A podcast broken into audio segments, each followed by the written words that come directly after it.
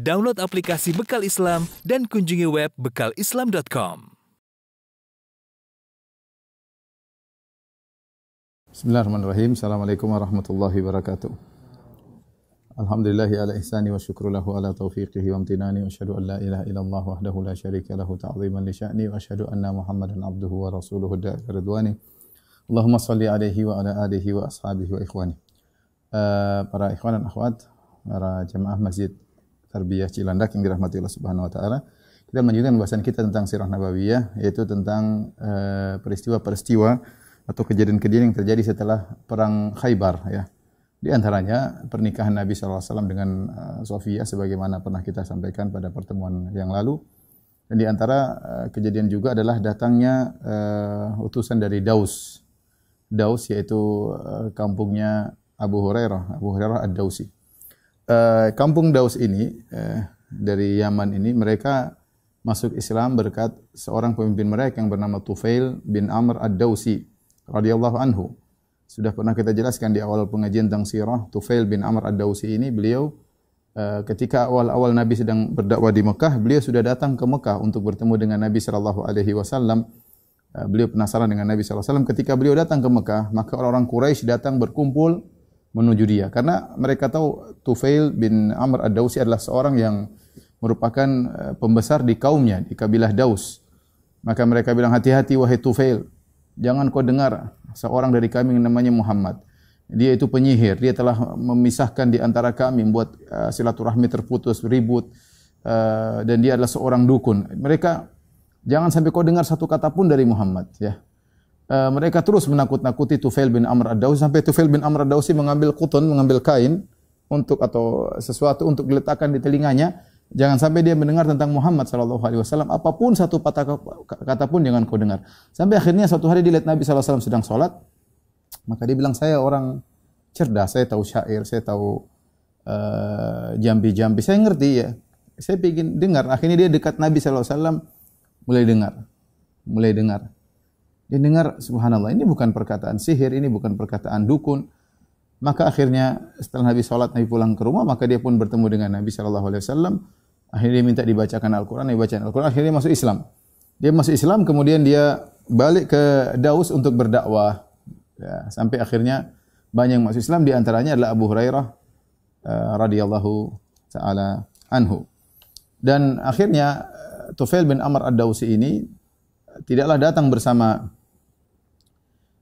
orang-orang uh, di kampungnya ke menuju Nabi sallallahu alaihi wasallam kecuali ketika terjadi peristiwa Khaybar. Nabi SAW sedang pergi ke Khaybar pada tahun 7 Hijriah.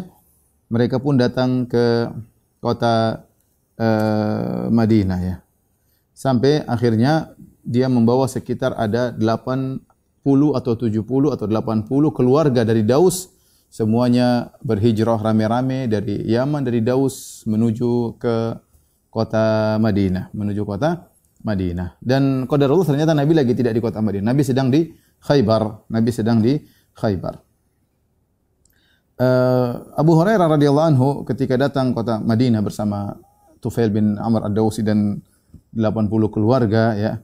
Sebagaimana pernah kita sebutkan yang Nabi menugaskan Siba bin Urtufah bin Urfutah Siba bin Urfutah radhiyallahu anhu untuk menjadi imam menggantikan Nabi sallallahu alaihi wasallam.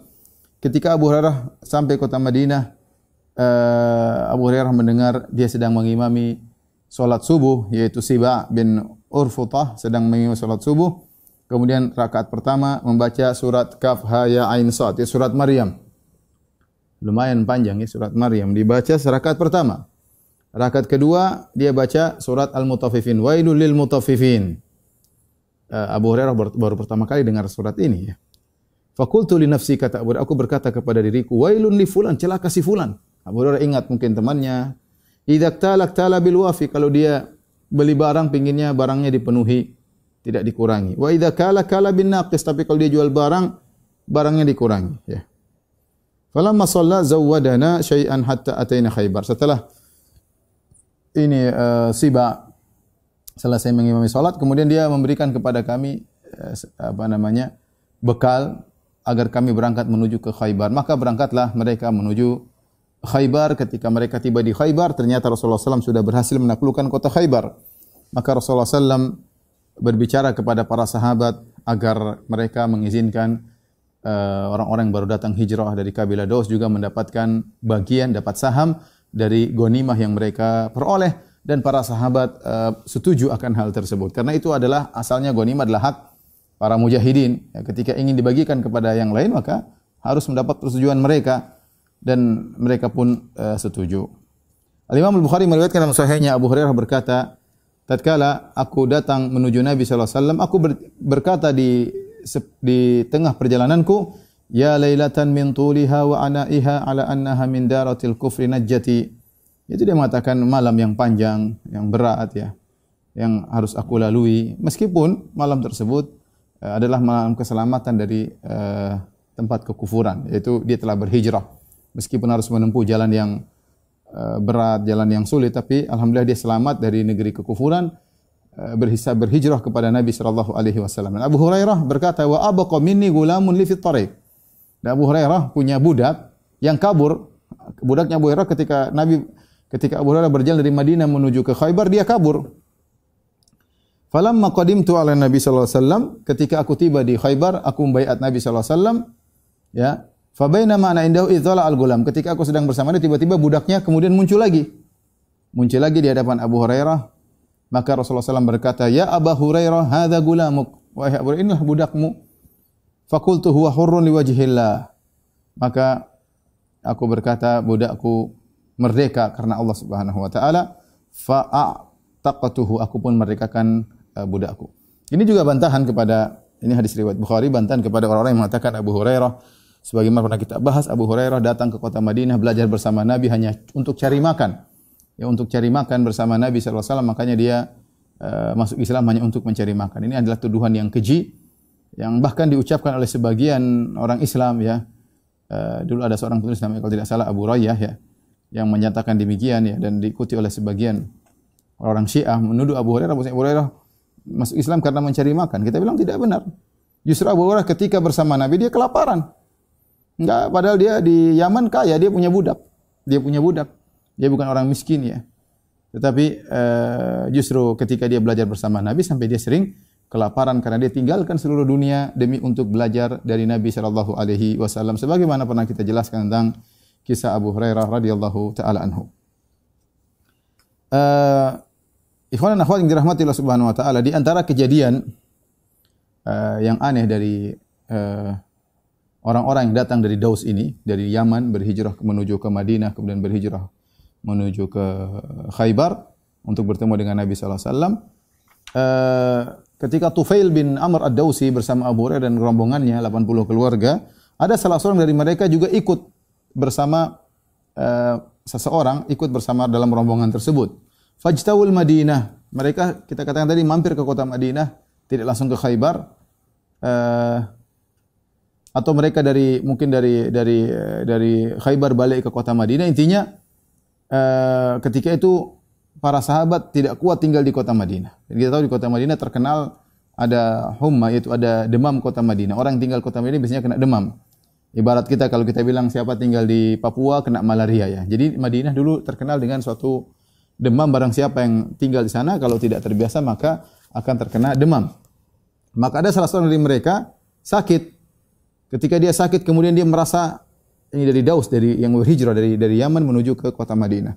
Ketika dia merasa sakit dia tidak kuat demam maka dia pun uh, mengambil masyaqis lahu. Masyaqis itu kalau anak panah ujungnya, ujungnya yang tajam itu. Dia ambil kemudian dia faqata ahbiya barajima. Kemudian dia motong jarinya, dia potong ini. Apa namanya? Apa namanya ini? Ruas-ruas jari dia potong. Karena dia merasa sangat kedinginan atau sangat demam, dia potong. Mungkin dia pikir itu bentuk pengobatan, dia potong. Uh, kemudian ketika dia potong ruas-ruas jarinya tersebut, ternyata darahnya tidak berhenti. Sampai akhirnya dia meninggal dunia. Orang ini akhirnya meninggal dunia. Maka ini hal yang menyedihkan, seakan-akan dia bunuh diri. Fara'ahu Tufail bin Amr fi manamehi. Maka uh, Tufail bin Amr melihat dia dalam uh, mimpinya. Fara'ahu wa hay'atuhu hasanah. Dia melihat orang ini temannya dalam kondisi baik ya. Wara'ahu mughattiyan yadayhi, tapi orang ini malu menutup kedua tangannya. Faqala lahu ma sana'a bika rabbuk? Maka Tufail bin Amr Ad-Dausi bertanya ke dalam mimpi bertanya kepadanya, "Apa yang Rabbmu lakukan kepadamu?" Qala maka orang ini berkata, "Ghafarali li hijrati ila nabiyhi." Allah telah mengampuni aku karena aku berhijrah kepada nabinya. Qala Tufail, "Mali araka mughattiyan yadayk?" Kenapa aku melihat engkau menutup kedua tanganmu? Qala qila li, dikatakan kepadaku, "Lan nusliha minka ma afsatta." Kami tidak akan memperbaiki apa yang telah kau rusak dari tanganmu. Maka Tufail ketika dia sadar dari tidurnya, dia bertanya kepada Rasulullah, Tufail bin Amr Ad-Dausi. Ya. Dia ceritakan kepada Nabi sallallahu alaihi wasallam. Maka Rasulullah SAW berkata, "Allahumma waliyadaihi faghfir." Ya Allah, ampunilah juga dosanya yang berkaitan dengan kedua tangannya. Ya, karena dia telah memotong kedua tangannya agar uh, mengurangi rasa sakit, akhirnya dia pun meninggal uh, meninggal dunia. Ini hadis ini menjelaskan uh, zahirnya orang ini bunuh diri tidak kuasa dengan demam yang dia alami, kemudian dia potong-potong tangannya, potong-potong jarinya, akhirnya dia meninggal, meninggal. Akhirnya dia mati karena bunuh diri, zahirnya. Sehingga uh, Imam Nawawi rahimahullah ketika menjelaskan tentang syarah hadis ini, uh, beliau menjelaskan ini menguatkan kaidah uh, penting dari ahli sunnah wal jamaah bahwasanya tidak semua orang yang melakukan dosa besar maka otomatis masuk neraka. Allah punya kaidah, innallaha la yaghfiru ay yushraka bih wa yaghfiru ma duna dzalika liman yasha. Allah meng tidak mengampuni dosa kesyirikan, orang meninggal dalam syirik, Allah tidak akan ampuni. Wa yaghfiru ma duna dzalika liman yasha. Dan adapun dosa selain kesyirikan, Allah ampuni bagi siapa yang Allah kehendaki. Lihatlah orang ini, zahirnya dia mati bunuh diri, tapi Allah tidak menyiksanya, bahkan Allah mengampuninya karena dia mengatakan aku berhijrah, Allah ampuni dosa-dosanya. Uh, hanya saja dia tetap mendapatkan dampaknya jari-jarinya yang sudah putus tidak dikembalikan oleh Allah Subhanahu wa taala telah merusak jari uh, jari-jarinya. Berbeda dengan orang-orang Khawarij yang mengatakan oh, pelaku dosa besar uh, kekal dalam neraka jahanam kafir sebagaimana juga dengan Mu'tazilah yang mengatakan pelaku dosa besar tidak mukmin, tidak kafir di tengah-tengah tapi kekal dalam neraka uh, jahanam. Timbul pertanyaan. Ustaz, bagaimana perbedaan dengan orang ini dengan kisah orang yang uh, bunuh diri ya? Sebagaimana dalam satu hadis dalam Sahihain Sahih Bukhari Sahih Muslim dari Jundub dia berkata Rasulullah SAW berkata bersabda kana fi man kana qablakum rajulun bihi jurhun fajazi' dahulu ada orang sebelum kalian ya ini mungkin dari Bani Israel atau sebelumnya dia uh, terluka ada lukanya kemudian dia tidak kuat ya fa akhadha sikinan fahazza biha yadahu maka dia pun mengambil pisau dia tidak kuat rasa kemudian dia potong tangannya fama raqa adam hatta mata maka darah tersebut tidak berhenti sampai dia meninggal dunia. Faqala Allah Azza wa Jalla badarani 'abdi bi nafsihi hambaku telah menyegerakan dirinya ya membunuh dirinya haramtu alaihil jannah aku haramkan surga baginya. Baik, yang satu bunuh diri diampuni, yang satu tidak diampuni. Bagaimana mengkompromikan dua hadis ini? Maka Ibnu Katsir rahimahullahu taala uh, menjelaskan ya ada beberapa uh, kemungkinan ya. Mungkin bisa jadi yang diampuni tidak tahu hukumnya bahwa itu haram, apalagi baru masuk Islam, baru berhijrah. Adapun yang ini mungkin sudah tahu hukumnya haram tapi dia tetap aja bunuh uh, bunuh diri. Mungkin yang ini uh, dia melakukan bunuh diri tapi dia tahu itu ha haram, adapun satunya mungkin menghalalkan apa yang dia uh, dia lakukan. Bisa jadi yang pertama tidak bermaksud bunuh diri. Mungkin dia hanya sekedar ingin mengurangi sakitnya tapi ternyata dia meninggal meninggal dunia. Yang satu ternyata memang niatnya bunuh bunuh diri. Taruhlah dua-duanya berniat bunuh diri. Tapi yang pertama punya pahala yang sangat luar biasa tidak dimiliki oleh yang kedua. Yang pertama punya pahala hijrah dan kita tahu hijrah adalah pahala yang sangat sangat besar ya. Intinya berbeda antara keduanya dan ini juga merupakan dalil bahwasanya dosa-dosa selain kesyirikan tahta masyiatillah di bawah kehendak Allah. Kalau Allah berkehendak Allah ampuni, kalau berkehendak Allah azab. Makanya jika kita melihat ada orang meninggal dalam kondisi membunuh, orang meninggal uh, mungkin dia membegal orang kemudian dibunuh oleh masyarakat misalnya atau dia meninggal karena sedang berzina atau meninggal atau sedang mabuk kemudian meninggal atau uh, durhaka kepada orang tua kemudian meninggal banyak hal atau lagi merampok dibunuh meninggal ya, artinya dia meninggal dalam kondisi dosa besar. Lagi praktek riba kemudian apa meninggal dunia ya lagi main judi meninggal dunia dan ada saja orang seperti itu.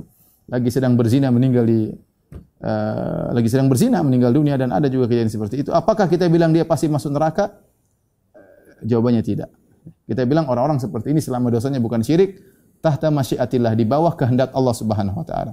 Kalau berkehendak Allah ampuni, kalau Allah berkehendak Allah akan azab, ya. Terserah Allah Subhanahu wa taala.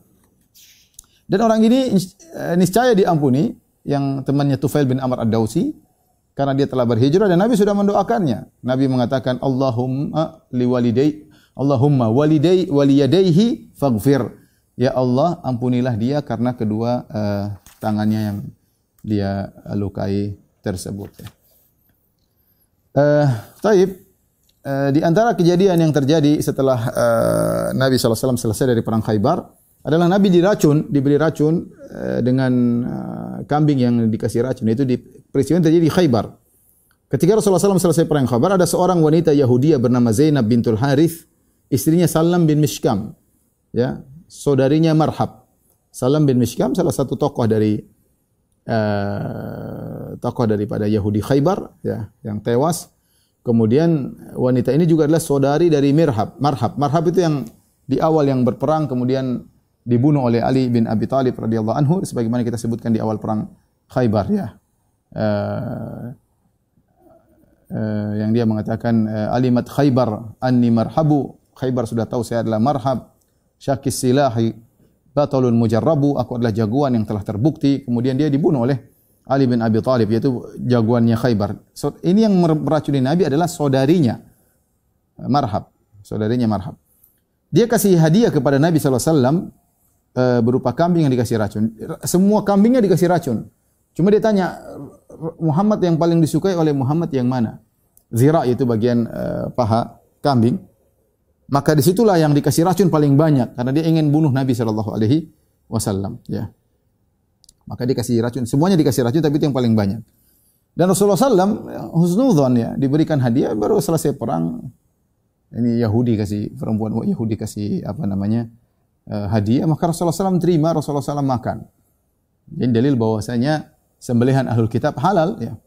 Rasulullah SAW tidak tanya kamu nyembelihnya gimana sebut nama apa ya.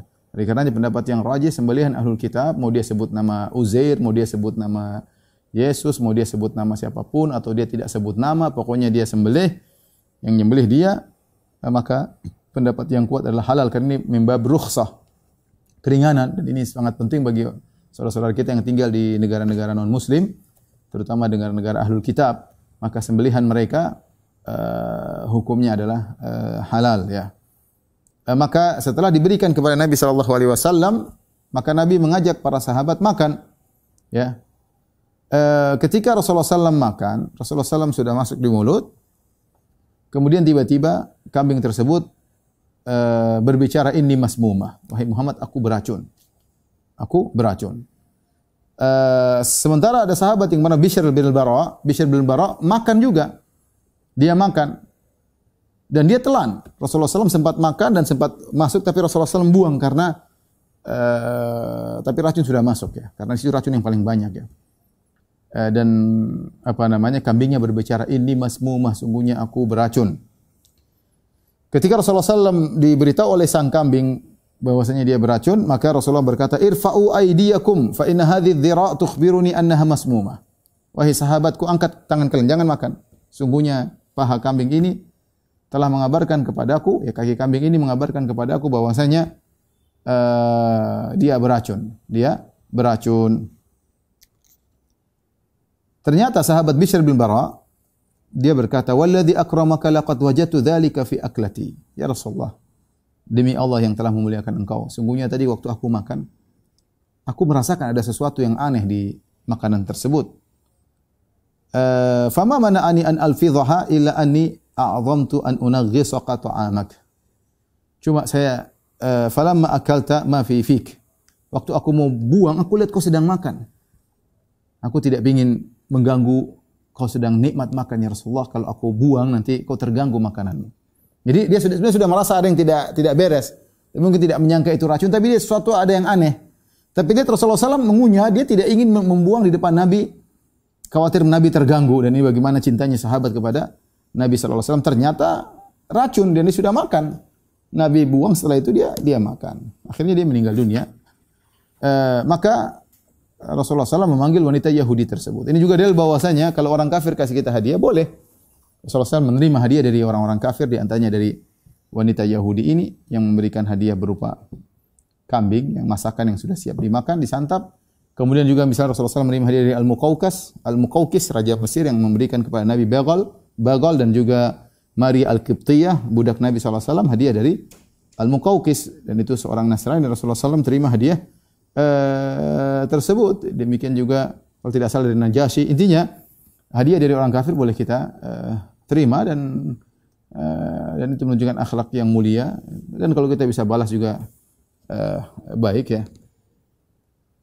Uh, kemudian Rasulullah panggil uh, wanita tersebut. Maka Rasulullah SAW bertanya kepada wanita tersebut, ya, kenapa kau melakukan demikian? Kata wanita tersebut, aratu li aktulak, aku ingin bunuh engkau. Dalam riwayat yang lain, dia berkata, aratu in kunta nabiyan fa inna allaha sayutli'uka alaih. Saya ingin tes, kalau kau memang nabi, pasti Allah kasih tahu. Wa ilam takun nabiyan, kalau kau bukan nabi, urihan nas minka, maka aku istirahatkan manusia dari gangguanmu. Kalau kau memang nabi, Allah pasti kasih tahu. Tapi kalau kau bukan nabi, biar manusia istirahat dari tipuanmu dan makarmu dan kejahatanmu, wahai Muhammad. Ya. Akhirnya Rasulullah SAW ya uh, selamat ya. Uh, tetapi Al-Bara bin Ma'rur uh, akhirnya meninggal Bishr bin Bishr bin Al-Bara bin Ma'rur akhirnya meninggal dunia radhiyallahu taala anhu. Ketika Bishr bin Bara bin Ma'rur meninggal dunia, akhirnya Rasulullah SAW mengkisos wanita tersebut. Asalnya Rasulullah SAW tidak mengkisos dia. Rasulullah SAW tidak ingin balas atas apa yang menimpa dia. Ya. Rasulullah tidak tidak tidak menghukum wanita tersebut. Tapi ketika gara-gara racun tersebut mengakibatkan sahabatnya meninggal, maka ada hukum kisos akhirnya wanita tersebut di di kisos. Rupanya racun yang sempat ditelan oleh Nabi SAW, ya sempat ditelan meskipun akhirnya Rasulullah muntahkan, tapi sempat ditelan. Racun tersebut sangat kuat dan eh, kadang-kadang mengganggu kesehatan Nabi Shallallahu Alaihi Wasallam. Ketika Rasulullah SAW merasakan ada gangguan bekas racun tersebut, maka Rasulullah SAW pun berhijamah, berbekam. Sebagaimana dalam hadis riwayat Imam Ahmad dari Ibnu Abbas radhiyallahu anhu, "Kana Rasulullah SAW idza wajada min dzalika syai'an ihtajam. Kata Ibn Abbas Rasulullah SAW kalau mendapati uh, asar atau dampak dari racun tersebut Rasulullah SAW berbekam ya. Dan ini dalil bahwasanya bekam uh, bermanfaat. Fasafara marrah. Maka suatu Rasulullah SAW sedang bersafar, falamma ahrama ketika Rasulullah SAW berihram, wajada min dzalika syai'an Rasulullah SAW merasakan pengaruh dampak dari racun tersebut. Maka Rasulullah SAW juga berhijama, berbekam ya. Rasulullah SAW kalau merasakan bekas racun tersebut, Rasulullah SAW uh, berhijama, berbekam ya. Uh, sampai akhirnya Rasulullah SAW meninggal dengan sebab uh, racun tersebut. Ya, ketika semakin parah, dampaknya semakin parah sampai akhirnya urat uh, yang disebut dengan al-abhar yaitu urat dari punggung yang nyambung ke jantung ya uh, disebut dalam bahasa Arab adalah al-abhar bukan urat nadi, urat yang lainnya. Racun tersebut menyerang urat tersebut akhirnya Rasulullah SAW meninggal dunia ya gara-gara sakit akibat dampak racun tersebut. Dalam Sahih Bukhari, Aisyah radhiyallahu anha berkata, karena Nabi sallallahu alaihi wasallam yaqulu fi maradhihi alladhi mata fihi. Rasulullah SAW berkata ketika sakit yang akhirnya membuat beliau meninggal dunia. Ya Aisyah tu ma azalu ajidu alam at-ta'am alladhi akaltu bi Khaybar. Ya Aisyah, aku tetap merasakan sakit akibat makan racun yang yang aku makan di Khaybar.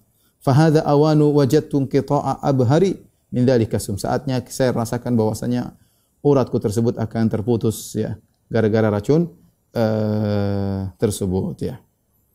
Dan akhirnya Rasulullah SAW meninggal dunia oleh karenanya para ulama mengatakan Rasulullah SAW meninggal dunia dalam kondisi mati syahid dan ini yang dikatakan oleh Ibnu Mas'ud. Ibnu Mas'ud pernah berkata dalam riwayat Imam Ahmad, "La an ahlifa billahi tis'an." Aku bersumpah dengan nama Allah sembilan kali. Wallahi wallahi wallahi wallahi sampai sembilan kali. Anna Rasulullah SAW kutila qatlan. Rasulullah SAW terbunuh. Itu mati syahid. Ahabbu ilayya min an ahlifa wahidah. Aku lebih suka daripada aku hanya bersumpah cuma sekali. Wa dzalika bi anna Allah azza wa jalla takhadahu nabiyyan wa ja'alahu syahidan. Kenapa? Karena Allah berkehendak memberikan posisi yang tinggi kepada nabi. Allah menjadikan Muhammad sebagai seorang nabi dan Allah menjadikan dia mati mati syahid. Dan kita tahu angan-angan para sahabat ingin mati syahid. Banyak di antara mereka berdoa ingin mati syahid. Di antaranya Umar bin Khattab radhiyallahu taala anhu yang berdoa Allahumma rzuqni asy-syahadah fi baladi nabiyyik. Ya, ya Allah, mudahkanlah kepada aku mati syahid di kota Madinah. Dan terbukti datang uh, apa namanya uh, Abu Lu'lu'ah al-Majusi yang kemudian menikam Umar, akhirnya Umar meninggal dunia gara-gara tikaman tersebut, maka dia pun mati mati syahid. Demikian juga Nabi SAW uh, ingin disempurnakan oleh Allah Subhanahu Wa Taala derajat yang tinggi sehingga dia juga meraih mati syahid. Dan Rasulullah SAW berangan-angan ketika para sahabatnya mati dalam perang Uhud, Rasulullah SAW ingin seperti mereka, ingin mati syahid.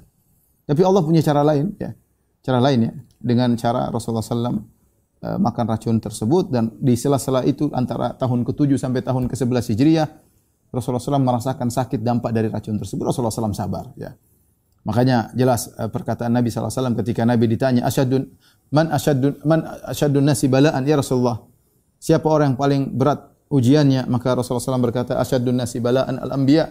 Orang yang paling berat diuji adalah para nabi, thumma salihun, kemudian orang saleh, thumma salih thumma al-amsal fal amsal kemudian yang selanjutnya dan selanjutnya uh, yubtala rajulu ala qadri imanihi seorang diuji berdasarkan kadar keimanannya in kana fi imanihi salabatun zida fi balai. Kalau ternyata imannya kuat akan ditambah ujiannya. Wa in kana fi imanihi riqqatun khifanhu kalau ternyata imannya lemah Allah kurangi uh, ujiannya. Dan Nabi SAW orang yang paling hidupnya penuh dengan ujian dari kecil sampai meninggal dunia. Jadi kecil meninggal dunia. Ini sudah sering saya sampaikan. Bagaimana kecil Eh, lahir dalam kondisi yatim ayahnya tidak ada.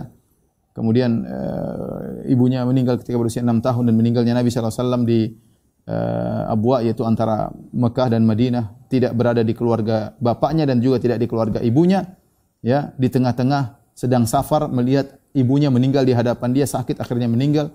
Bagaimana bocah umur 6 tahun melihat ibunya meninggal sementara tidak di keluarga tidak tidak tidak di keluarga sama sekali di tengah perjalanan. Ini ujian tersendiri. Kemudian tinggal bersama uh, kakeknya, kemudian kakeknya meninggal, kemudian tinggal bersama Abu Talib. Abu Talib juga miskin, maka Nabi SAW sampai mengembalakan kambing untuk membantu pamannya dan seterusnya. Akhirnya Rasulullah SAW ketika diangkat menjadi uh, Nabi maka hinaan, cercaan dan seterusnya. Rasulullah SAW kemudian diuji dengan meninggalnya ke kekasih yang sangat dicintai Khadijah radhiyallahu taala anha. Rasulullah SAW juga diuji dengan anak-anaknya semuanya meninggal di masa hidupnya kecuali Fatimah. Kita tahu seorang aja anaknya meninggal bagaimana pedih dan pilu hatinya. Satu apalagi Rasulullah SAW semuanya anaknya meninggal.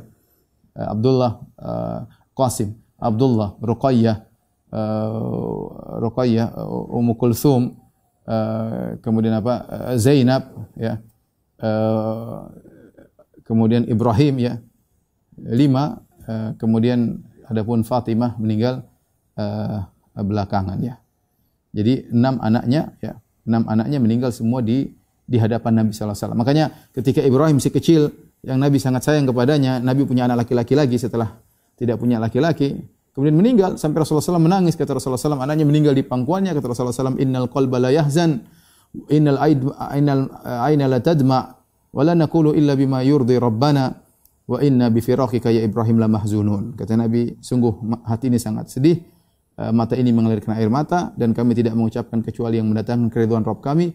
Sungguhnya kami sangat sedih dengan kepergian engkau wahai Ibrahim. Kemudian harus diusir dari uh, kota Mekah meninggalkan rumahnya, meninggalkan berbagai, berbagai macam keindahan nostalgia harus uh, pergi. Kemudian Rasulullah SAW pernah diboykot sebelumnya di kota Mekah selama tiga tahun sampai Bani Hashim kelaparan sampai banyak di antara mereka meninggal tidak dapat makan dan yang lain selama tiga tahun. Dan akhirnya Rasulullah SAW pergi ke Taif, dilempar, dihina dan macam-macam. Kemudian Rasulullah SAW, begitulah. Sampai perang Badar, perang Uhud, perang Khandaq dan seterusnya perang dari satu perang perang yang lainnya dan sampai akhirnya Rasulullah SAW diracun. Kemudian kalau sakit Rasulullah SAW uh, panasnya dua kali lipat. Ini u'akama yu'aku rajulani minkum. Aku ini demam dua kali lipat daripada demamnya kalian. Gambarnya kalau kita demam 40 derajat, Rasulullah mungkin lebih daripada itu, mungkin 70, 80 derajat. Intinya uh, Rasulullah adalah orang yang paling uh, mendapat ujian yang paling berat. Tapi Allah ingin menyempurnakan pahala Nabi sallallahu alaihi wasallam ya. Dia datang dalam hadis senantiasa seorang dapat musibah, musibah, musibah, musibah sampai dia berjalan tanpa setitik dosa pun yang ada pada dirinya ya. Jadi ikhwan kita tidak berharap musibah, tetapi kalau kita dikasih musibah bersabarlah. Ya. Kita tidak berharap musibah. Nah, sekarang kita dalam sama-sama dalam musibah, musibah pandemi ya. Tetapi tinggal kita mensikapinya. Ya, musibah datang bukan berarti kita dapat pahala. Tapi Allah melihat bagaimana sikap kita menghadapi musibah tersebut. Apa kita bertawakal kepada Allah, tetap husnudzan kepada Allah. Uh, dan inilah yang yang, yang menjadikan uh, kita dapat pahala. Bukan otomatis kita dapat musibah, kita dapat pahala, tidak. Tapi sikap kita menghadapi musibah itulah yang situlah amal kita. Apakah kita mensikapinya dengan ngamuk-ngamuk, dengan marah-marah, jaza, tidak sabar, atau kita bersabar. Kalau kita bersabar baru kita diangkat derajatnya oleh Allah Subhanahu wa taala. Eh, taib. Eh, kemudian setelah itu Rasulullah sallam eh, menuju ke Fadak. Fadak adalah suatu daerah ya, di dekat eh, Khaybar ya. Kemudian Rasulullah sallallahu alaihi wasallam mengirim Muhayyisah ibnu Mas'ud ya bersama beberapa orang menuju kepada orang-orang Yahudi yang tinggal di Fadak menuju agar mengajak mereka untuk masuk Islam. Tapi mereka tidak mau masuk Islam. Ketika Rasulullah SAW selesai daripada Khaybar, Rasulullah SAW Allah melemparkan rasa takut dalam diri mereka. Rasulullah SAW kemudian mengirim utusan kepada mereka dan akhirnya mereka terima. Sama, mereka kerja di Fadak setengah buat kaum muslimin dan setengah buat aslinya buat mereka. Dari sini kita tahu bahwasanya Fadak, Fadak uh, diperoleh oleh Nabi tanpa peperangan. Tidak ada kaum muslimin kemudian mengerahkan kuda dan onta untuk menyerang kota Fadak, tidak ada. Dan mereka hanya mendapat utusan dari Nabi untuk damai dan mereka damai suluh dengan syarat mereka bekerja di Fadak dan setengah hasilnya dikirimkan kepada kaum muslimin. Oleh karenanya Fadak semuanya adalah milik Nabi sallallahu alaihi wasallam, tidak dibagikan kepada uh, para mujahidin. Oleh karenanya Rasulullah sallam mengambil infak kehidupan beliau dari hasil Fadak ya untuk istri-istrinya, untuk anaknya ya. Kemudian juga untuk uh, anak-anak kecil dari Bani Hashim. Demikian juga uh, untuk membiayai orang-orang yang belum menikah dari Bani Hashim. Itu Rasulullah SAW kembalikan kepada Bani Hashim. Ya, beliau perhatikan kepada keluarga beliau. Ini sumber sumber pemasukan beliau pribadi ya dari fadak tersebut karena tidak diperoleh dengan dengan peperangan ya. Kemudian setelah itu uh, Rasulullah SAW mengepung suatu tempat namanya Wadil Qura. Wadil Qura. Ya menuju Wadil Qura. Di sana juga ada sekelompok orang Yahudi. Ya, Rasulullah SAW habis orang ya, apa menyerang Yahudi seluruhnya. Dari uh, Madinah diusir, kemudian ke Khaybar, kemudian ke Fadak, kemudian ke uh, Wadil Qura. Dan uh, Rasulullah SAW memiliki seorang budak ketika itu namanya Mid'am. Ya, Rifa'ah bin Zaid al-Juzami menghadiahkan budak tersebut kepada Nabi.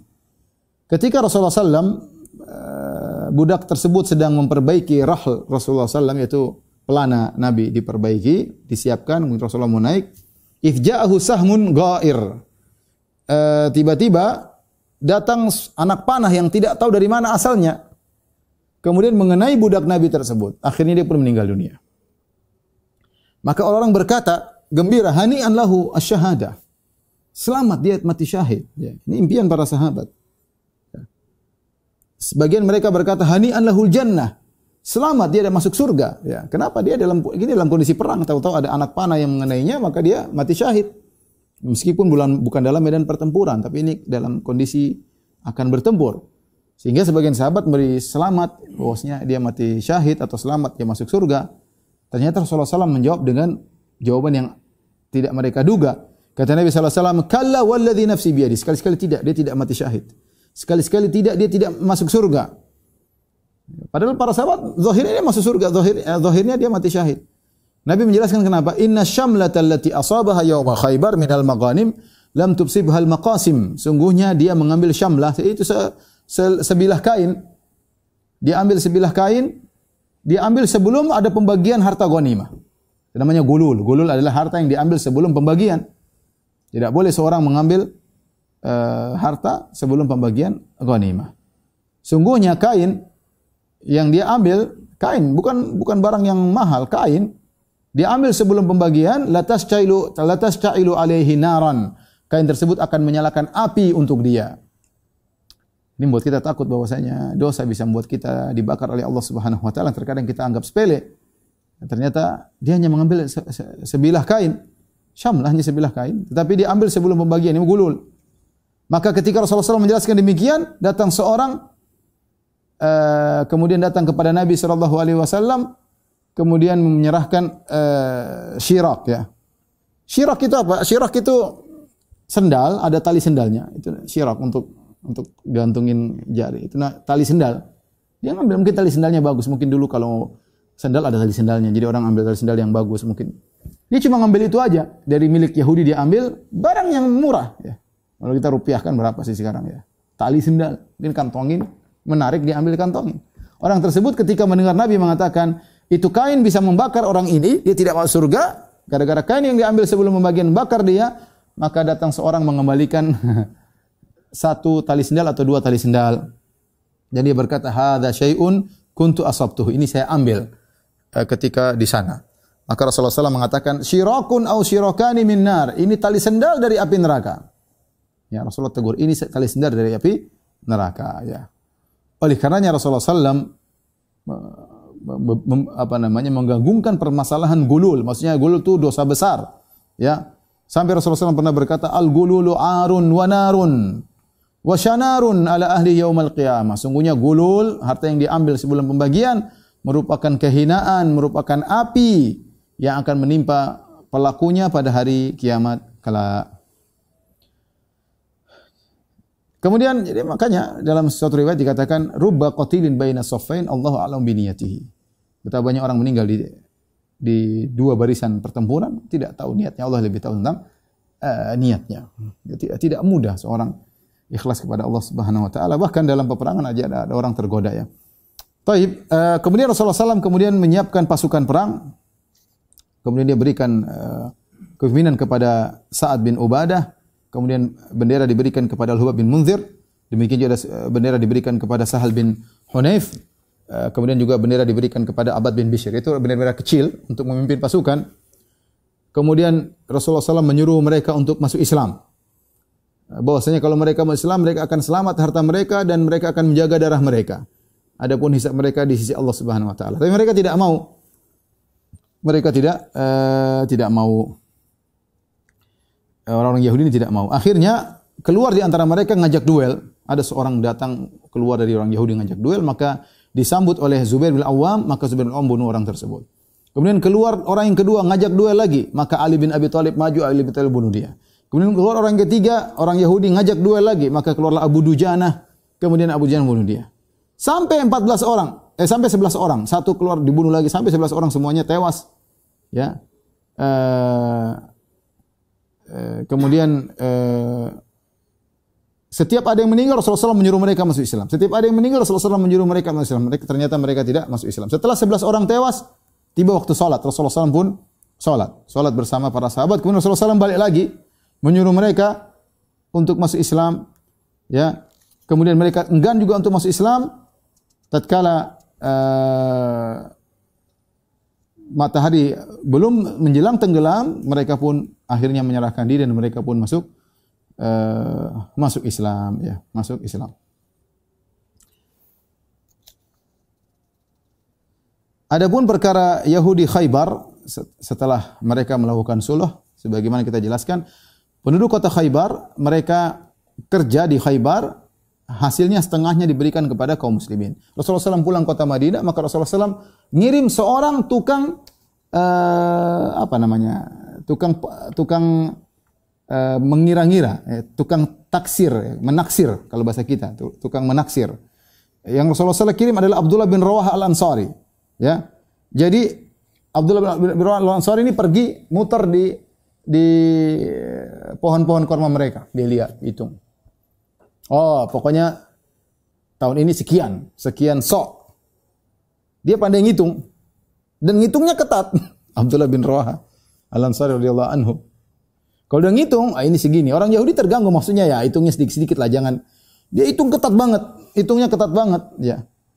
Maka dia pun keliling korma-korma orang Yahudi, kemudian dia bilang pokoknya setoran sekian.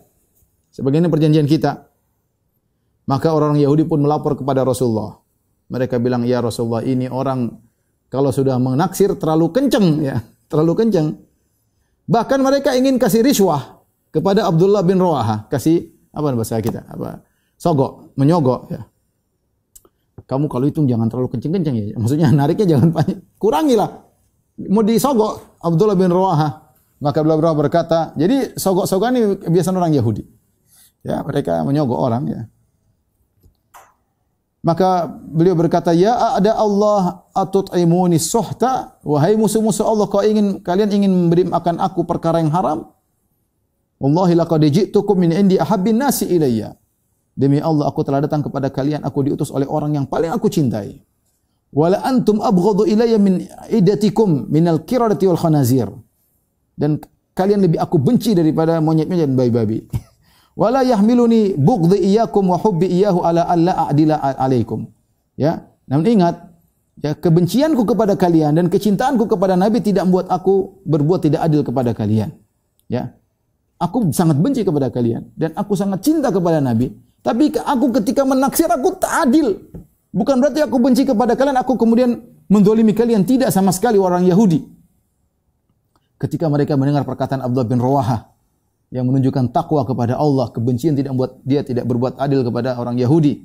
Maka mereka berkata, "Bihadza qamatis samawati wal ard." Dengan inilah tegaklah langit dan bumi. Itu keadilan. Ya. Uh, ketika tahun berikutnya Abdullah bin Rawah meninggal dunia dalam perang Mu'tah pada tahun 8 Hijriah, maka Rasulullah SAW mengirim petugas baru, petugas taksir yang baru namanya Jabbar bin Sakhar ya. ya dia adalah uh, pentaksir dari kota Madinah ya dan dia pandai menghitung ya. Uh, ikhwan yang dirahmati Allah Subhanahu wa ternyata orang Yahudi mereka biasa melakukan pengkhianatan. Mereka melakukan pengkhianatan. Sampai akhirnya mereka berbuat zalim kepada Ibnu Muhayyisah, Ibnu Mas'ud Al-Ausi Al-Ansari. Mereka bunuh Ibnu Muhayyisah. Ya. Waktu Rasulullah SAW masih hidup, mereka sudah bunuh. Ya.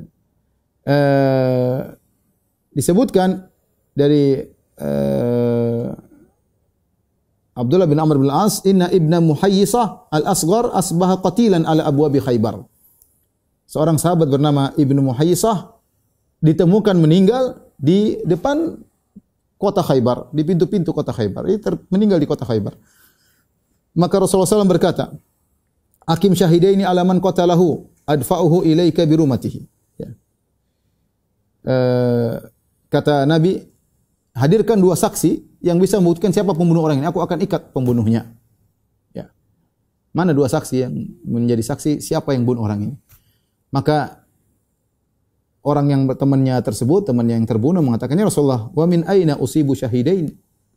Wa inna ma asbaha qatilan ala abwabihim. Ya Rasulullah, bagaimana saya bisa menemukan dua saksi ya, sementara aku dapati dia sudah terbunuh. Siapa? Tidak ada yang menyaksikan, tahu-tahu dia sudah mati. Yang yang bunuh pasti orang Yahudi, tapi enggak ada yang lihat siapa yang bunuh dia. Kemudian Rasulullah SAW berkata, "Fatahlu lafi fatahlifu khamsina qasama." Maukah kau bersumpah 50 kali? Namanya ini namanya kosama. Kalau terjadi seorang dibunuh, tidak ada saksi, maka ini disuruh bersumpah 50 kali sumpah. Kalau ada 50 orang, 50 orang sumpah. Kalau enggak ada, dia disuruh sumpah 50 kali.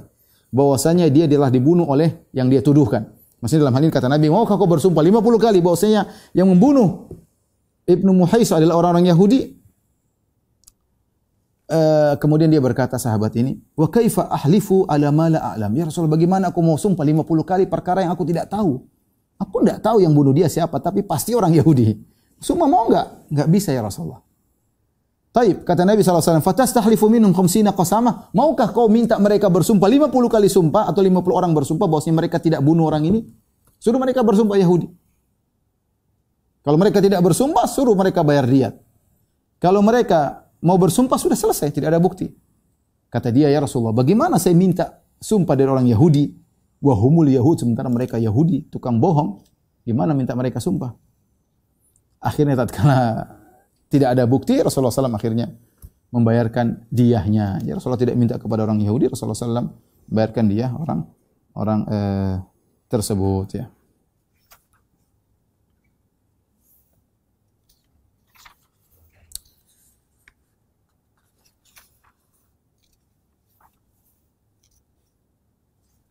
Taib, uh, dalam riwayat yang lain ya, dalam riwayat yang lain ya, uh, intinya akhirnya ada uh, tiga orang datang menemui Nabi Shallallahu Alaihi Wasallam, ya, melaporkan hal uh, tersebut, ya, dan mereka mengatakan orang-orang Yahudi yang membunuh, orang Yahudi mengatakan, Wallahi demi Allah kami tidak bunuh orang tersebut, ya, kami tidak bunuh dia, tidak ada buktinya.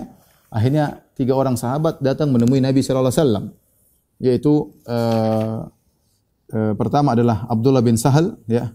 Abdullah bin Sahal dibunuh. Abdullah bin Sahal terbunuh bersama Muhayyisah ya. Eh, akhirnya tiga orang di antaranya Muhayyisah dan saudaranya eh, dan satu-satunya Abdurrahman bin Sahal. Kemudian mereka datang melapor kepada Nabi sallallahu alaihi wasallam. Kemudian ketika mereka hendak berbicara, Rasulullah SAW berkata, kabir, kabir. Kata Rasulullah SAW, yang tua yang berbicara terlebih dahulu. Rasul ajarkan adab. Ini tiga orang ngelapor, tidak mungkin tiga-tiganya ngomong. Kata Rasulullah SAW, kabir, kabir. Salah satu di antara kalian yang paling tua, yang mulai uh, berbicara. Ini menunjukkan ada penghormatan kepada orang yang lebih uh, uh, berumur. ya. Tapi akhirnya orang Yahudi mereka berkhianat di zaman Nabi dengan bunuh seorang sahabat dan juga mereka berkhianat di zaman Umar bin Khattab radhiyallahu anhu di mana ketika anaknya Umar Abdullah bin Umar sedang pergi ke sana ke Khaybar tiba-tiba di malam hari dia diserang oleh sebagian orang atau dilempar oleh sebagian orang sehingga tangannya lepas dari uh, engselnya lepas dari uh, apa namanya sikunya ya akhirnya hal ini dilaporkan kepada dilaporkan kepada Umar bin Khattab radhiyallahu taala anhu akhirnya Umar bin Khattab mengusir orang-orang Yahudi ya. Tidak ragu diragukan bahwasanya mereka yang telah berbuat berkhianat dengan melukai anak Umar bin Khattab radhiyallahu taala anhu. Akhirnya uh, Umar mengusir uh, mereka ya. Tetapi Umar menyuruh mereka membawa harta harta mereka ya. Ya. Kemudian ketika Umar mau mengusir mereka, maka mereka berkata, "Ya Amirul Mukminin, mukminin atukhrijuna wa qad aqarrana Muhammad." Ya Amirul Mukminin, bagaimana kau mengusir kami sementara Muhammad nabi kalian membiarkan kami tinggal di sini? Wa amalana 'alal amwal wa syarata dzalika lana dan bahkan kami bekerja dan kami mengirimkan uh, pemberian kepada Muhammad. Kenapa sekarang kau mengusir kami? Maka Umar berkata, "Adzananta anni nasitu qaula Rasulillah." Apa kau sangka aku lupa dengan perkataan Nabi? Ya, yang Nabi pernah berkata kepada engkau, yaitu Rasul uh, apa namanya? salah seorang dari anak-anak uh, Bani Abil Huqaiq. Ya, Rasulullah pernah berkata kepada anak orang ini, saya tidak lupa waktu Nabi ngomong sama engkau, wahai Yahudi. Kaifa bika idza ukhrijta min Khaybar ta'du bika qulusuka lailatan ba'da lailatin. Bagaimana kondisimu suatu hari tatkala kau diusir dari, dari kota Khaybar, kemudian kau berjalan dengan ontamu dengan cepat bermalam-malam hari, ya. Ya, kata dia, ya Umar, Amirul Mukminin, karena dzalika Huzailah itu cuma candaan Nabi, bukan serius Nabi bilang saya akan diusir. Ya, min Abil Qasim itu hanya candaannya Abul Qasim maksudnya Muhammad. Kata Umar, "Kadzabta ya adu Allah." Kau dusta wahai musuh Allah. Innahu laqaulun fasal. Muhammad tidak tidak bercanda, Muhammad tidak bohong. Ini perkataan yang benar. Wa ma huwa bil hazl. Ini bukan candaan. Akhirnya Umar mengusir mereka orang-orang Yahudi ya, sebagaimana Rasulullah mengatakan akhrijul yahud min jaziratil Arab. Keluarkan orang Yahudi dari jazirah Arab. Akhirnya diusirlah mereka namun mereka dikasih uh, bekal uh, harta mereka keluar dari uh, dari kota Khaybar ya, dari kota Khaybar. Taib. Kemudian Rasulullah SAW pulang ke kota Madinah. Ya. Ada beberapa kejadian ketika Rasulullah SAW pulang ke kota Madinah. Di antaranya ketika para sahabat naik tempat yang agak tinggi, maka mereka bertakbir dengan suara yang keras. Allahu Akbar, Allahu Akbar, la ilaha illallah. Maka Rasulullah SAW berkata, Arbi ala anfusikum. Tidak usah keras-keras, sayangilah diri kalian. Innakum la tad'una asamma wala ghaiban. Kalian tidak sedang menyeru zat yang tuli dan yang gaib. Innakum tad'una sami'an qariban. Kalian menyeru zat yang dekat, yang tahu tentang kondisi kalian. Wa huwa ma'akum dan dia bersama kalian ya. Ya, jadi ini dalil disebut oleh para ulama bahwasanya hukum asal berzikir adalah dengan suara yang tidak keras. Ada suara tapi tidak teriak-teriak. Oleh karenanya Nabi tegur para sahabat yang mereka bertakbir Allahu Akbar, Allahu Akbar kalau naik kendaraan yang. Rasul bilang, usah. Tidak usah keras-keras. Allah maha mendengar, tidak usah. Ya. Eh, kecuali eh, dalil-dalil yang menunjukkan uh, memang itu syiar untuk dibesarkan seperti ketika Idul Fitri, Idul Adha atau hal-hal yang lain. Tapi asalnya kalau tidak dalil yang menunjukkan adanya dikeraskan maka hukum asal zikir adalah dengan di uh, dengan jahar tetapi tidak dikeraskan. Cukup dengan suara yang lembut karena Allah Maha mendengar. Demikian juga kata Abu Musa al-Asy'ari radhiyallahu anhu, aku berada di belakang uh, kendaraan Nabi sallallahu alaihi wasallam dan aku berzikir ketika itu la haula wala quwata illa billah. Rasulullah dengar Rasulullah SAW berkata, "Ya Abdullah bin Qais, wahai Abu Musa al-Asy'ari." Qultu labbaik ya Rasulullah, aku berkata aku memenuhi panggilan engkau ya Rasulullah. Ala adulluka ala kalimat min kanzin min kunuzil jannah, maka aku tunjukkan kepada engkau tentang satu kalimat yang merupakan perbendaharaan di surga Qultu bala ya Rasulullah. Tentu ya Rasulullah. Kalimat apakah itu? Kata Nabi la haula wala quwwata illa billah. Tidak ada tidak upaya kecuali dari Allah Subhanahu wa taala. Ini seorang memperbanyak zikirin la haula wala quwwata illa uh, billah. Di antara kejadian juga yang terjadi ketika Rasulullah SAW hendak pulang ke kota Madinah, yaitu Rasulullah SAW ketiduran. Ya, ketika Rasulullah SAW uh, pulang, ya, kemudian sudah waktu di penghujung malam, kemudian Rasulullah SAW letih istirahat sama para sahabat. Rasulullah SAW ingatkan kepada Bilal, ikla lana layla, ya, yaitu kata Rasulullah SAW, ya Bilal jagalah malam ini, ya kita mau tidur, ya, kita mau tidur, jangan lupa bangunkan kita maksudnya Nabi ingatkan. Maka para sahabat semua tidur dan kita mereka dalam kondisi letih. Mungkin selama perang tidak berhenti berminggu-minggu, mungkin kurang tidur. Ini sudah saatnya selesai dari semua kerjaan, kemudian menuju kota Madinah, sudah tenang dan mereka tidur. Sudah malam mereka tidur menjelang uh, sudah sudah tengah malam. Kata Rasulullah, "Wahai Bilal, jaga, bangunkan kami." Maka Bilal dia tidak tidur, ya. Bilal salat, salat malam, salat malam, salat malam Sampai dia menunggu subuh. Dia nunggu subuh membangunkan Nabi wasallam. Sudah matanya sudah sangat ngantuk. Falamma taqarraba al-fajr istana Bilal ila rahilatihi muwajjihal fajar. Maka dia arahkan ontanya ke arah fajar, dia nunggu fajar. Pokoknya kalau langsung dia azan, sambil dia nunggu di rahilahnya di apa namanya? di pelananya sambil nyandarkan diri tahu-tahu tidur. Bilal tahu-tahu tidur ya. Ketika beliau beliau uh, uh, tidur ya, semua sahabat tidak ada seorang pun yang bangun sampai akhirnya matahari yang membangunkan mereka. Rasulullah SAW pertama kali bangun, Rasulullah SAW kaget. Rasulullah SAW berkata, Bilal, Bilal. Kenapa ini? Bilal mengatakan, akhadha bi nafsi alladhi akhadha bi nafsik. Ya Rasulullah, yang telah memegang nyawaku, dia yang telah memegang nyawamu. Itu kita sama-sama dibuat tidur oleh Allah Subhanahu wa taala, ya.